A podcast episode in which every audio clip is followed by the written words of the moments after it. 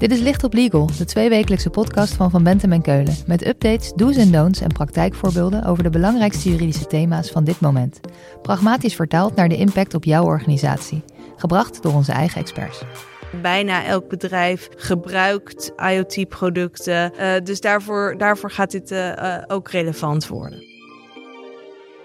In februari 2022 is een voorstel gedaan voor de Europese Data Act. Deze nieuwe verordening is een aanvulling op de regelgeving die we kennen rondom persoonsgegevens en gaat ook niet-persoonsgegevens reguleren. Hoe het er exact uit komt te zien, dat wordt nu nog uitgewerkt. Maar de grote lijnen liggen er al. Wat dit betekent voor bedrijven die met data werken, daar praten we in deze Licht over met Els het Hart. Zij stelt zich even voor. Ik ben Els het Hart. Ik ben advocaat bij Van Bentem en Keulen op het gebied van IT en data privacy. En Elze geeft daarnaast regelmatig lezingen en seminars op het gebied van data privacy en compliance.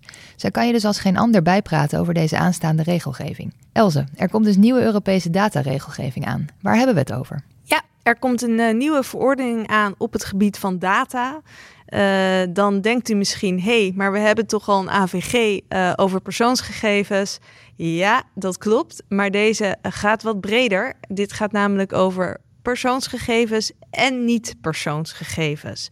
Uh, en dan nog om, om specifieker te zijn, om data die uit IoT-producten komt.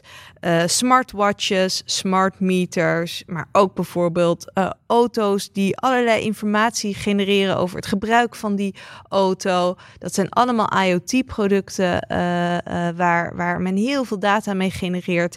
En wat men heeft beoogd is om daar wat meer regels aan te geven, omdat het niet altijd persoonsgegevens zijn en men daar toch van alles mee kan doen. Uh, daarnaast gaat Data Act, uh, de dataverordening, wat meer in op, op clouddiensten en het makkelijk kunnen switchen tussen clouddiensten. Oké, okay, nog heel even terug naar de data waar het om gaat. Wat voor gegevens zijn dat concreet? Ja, dat zijn dus uh, uh, persoonsgegevens, uh, maar ook metadata. het kunnen ook data van bedrijven zijn. als ik bij Van Bentem en Keulen wordt wellicht ook de temperatuur en het energieverbruik gemeten en allemaal analyses op losgelaten. Ja, dat, dat, dat is geen persoonsgegevens, dat gaat over het bedrijf. maar het is wel data. Het kunnen ook industriële gegevens zijn uit machines over het gebruik van die machines. Het kan alles zijn. Er gaan dus nieuwe regels over komen. Ieder bedrijf gebruikt wel op een of andere manier data. Gaat deze regelgeving dan ook echt voor ieder bedrijf gelden? Nee, dit, uh, deze regelgeving gaat niet voor ieder bedrijf gelden. Maar bijna elk bedrijf zal hier direct of indirect uh, mee te maken hebben. In elk geval onderdelen van dat bedrijf. Waarom? Um, iedereen heeft te maken met clouddiensten. En dit gaat uh, gigantisch veel invloed hebben op clouddiensten. Um, daarnaast gaat dit heel veel regels stellen aan het delen van gegevens uit specifieke IoT-producten. En nou ja, bijna elk bedrijf gebruikt uh, IoT-producten of gebruikt data daaruit of, of heeft zelf IoT-producten staan. Uh, dus daarvoor, daarvoor gaat dit uh, ook relevant worden. Precies. Als je klimaatbeheersing op je werkplek hebt en dat systeem verwerkt gegevens, dan heb je er al mee te maken. We gaan er dieper induiken, want wat gaat er nou precies geregeld worden? Ten eerste moeten fabrikanten van uh, IoT-producten en gerelateerde diensten uh, meer toegang gaan geven tot die gegevens. Het moet mogelijk worden om die gegevens uit te lezen, uh, in te zien als, als gebruiker. En die gebruiker kan zowel een bedrijf als, als, een, als een natuurlijk persoon zijn.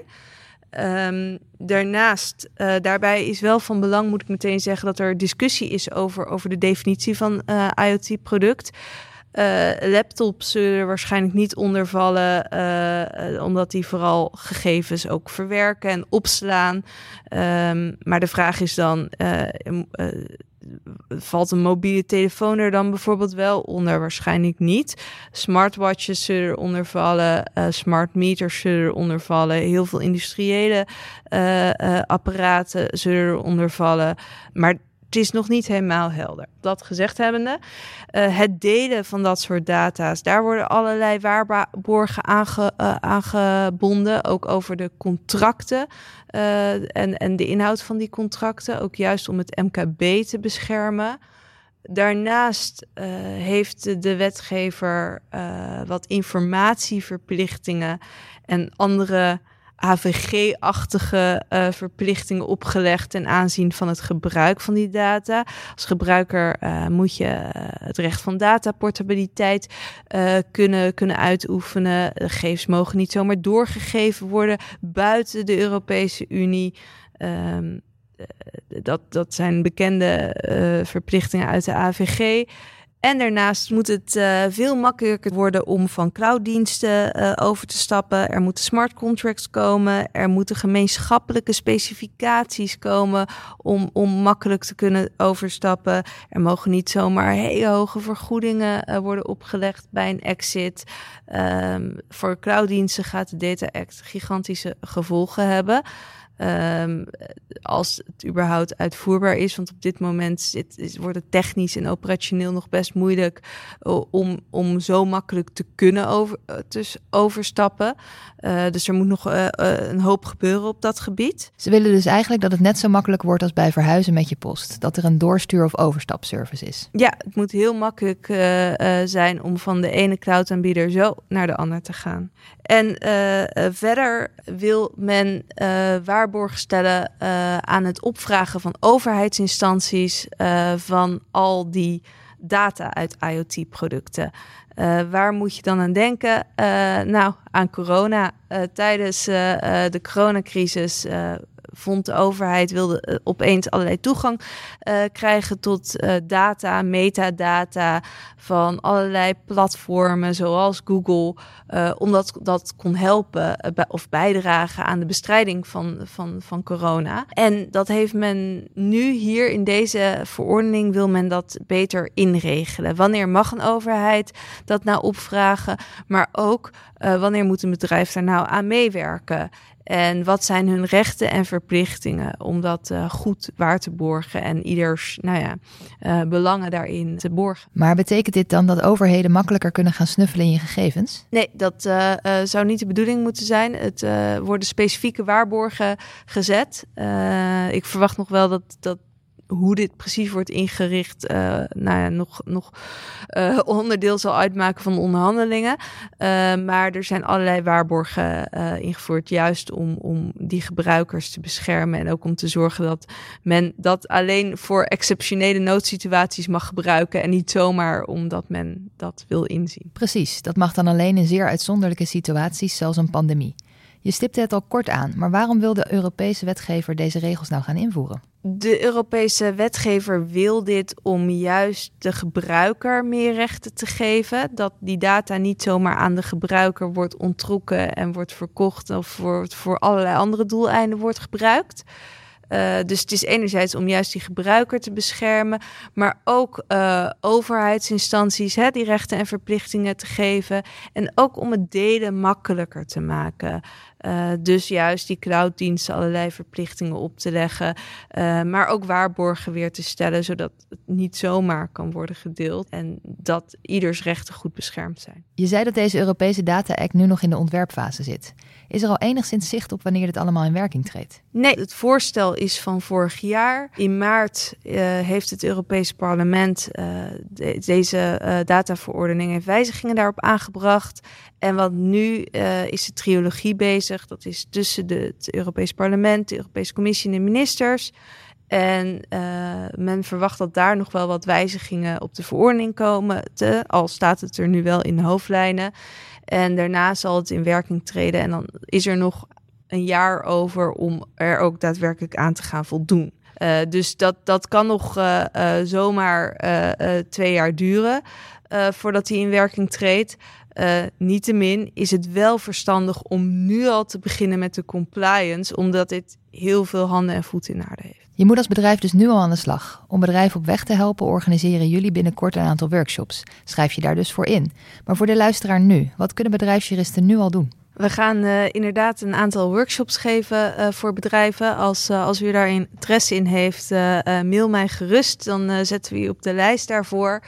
Uh, ik raad aan om nu alvast te gaan inventariseren binnen het bedrijf waar er wordt gewerkt met IoT-producten, uh, waar dat relevant is. Ook met betrekking tot eventuele cloud providers. Nou ja, die inventarisatie moet in elk geval gemaakt worden. En op basis daarvan, hè, wat is de datastrategie? Gaat u ook data gebruiken uit IoT gebruiken? Wat is de datastrategie met clouddiensten? Uh, waar staat u op dat punt? Dus dat is zowel commercie commercieel, maar ook operationeel. Wat zijn op dit moment de processen? Uh, hoe werkt dat? En aan de andere kant ook de legal aspecten. Moeten, welke contracten moeten worden aangepast? Welke informatieverplichtingen uh, moeten worden uitgebreid? Um, welke uh, compliance, governance structuren moeten worden aangepast? Al dit soort aspecten kunnen nu in elk geval al geïnventariseerd worden. Oké, klinkt als een hele hoop werk. Nu kan ik me voorstellen dat je als bedrijf ambitieus aan de slag gaat, maar het toch niet helemaal voor elkaar krijgt om alles op orde te hebben voor de deadline. Hoe heet wordt de soep dan gegeten? Hoe hard wordt er gehandhaafd? Nou, dat uh, uh, is nog onduidelijk. Uh, er moeten nog sancties bedacht worden, um, maar deze moeten doeltreffend, evenredig en afschrikkend zijn. wat dat precies is, weten we nog niet. verwacht wordt dat er bij de andere verordeningen die er nu komen en de AVG wordt aangesloten. Dus dat zal een paar miljoen zijn of een paar procent van, van uh, de uh, jaarlijkse uh, omzet van bedrijven. De autoriteit persoonsgegevens zal waarschijnlijk verantwoordelijk zijn voor het toezicht op de naleving van deze wet. Uh, dus die krijgt er ook een uh, flinke taak bij. En gelukkig hadden ze het nog niet druk. Ja, dat gaat zeker een uitdaging worden voor de autoriteit persoonsgegevens. Elze, dankjewel. Als we meer willen weten, waar kunnen we dan terecht? Je kunt mij mailen uh, op het e-mailadres elzethart.vbk.nl of je kunt me bellen. mijn, al mijn gegevens staan op onze website. Dit was Licht op Legal, een podcast van Van Bentem en Keulen. Te beluisteren via Spotify, Apple Podcasts of je eigen favoriete podcast-app. Wil je meer weten? Heb je suggesties voor een onderwerp? Of wil je dat onze experts hun licht laten schijnen op jouw juridisch vraagstuk? Laat het ons weten via vbk.nl/slash lichtoplegal.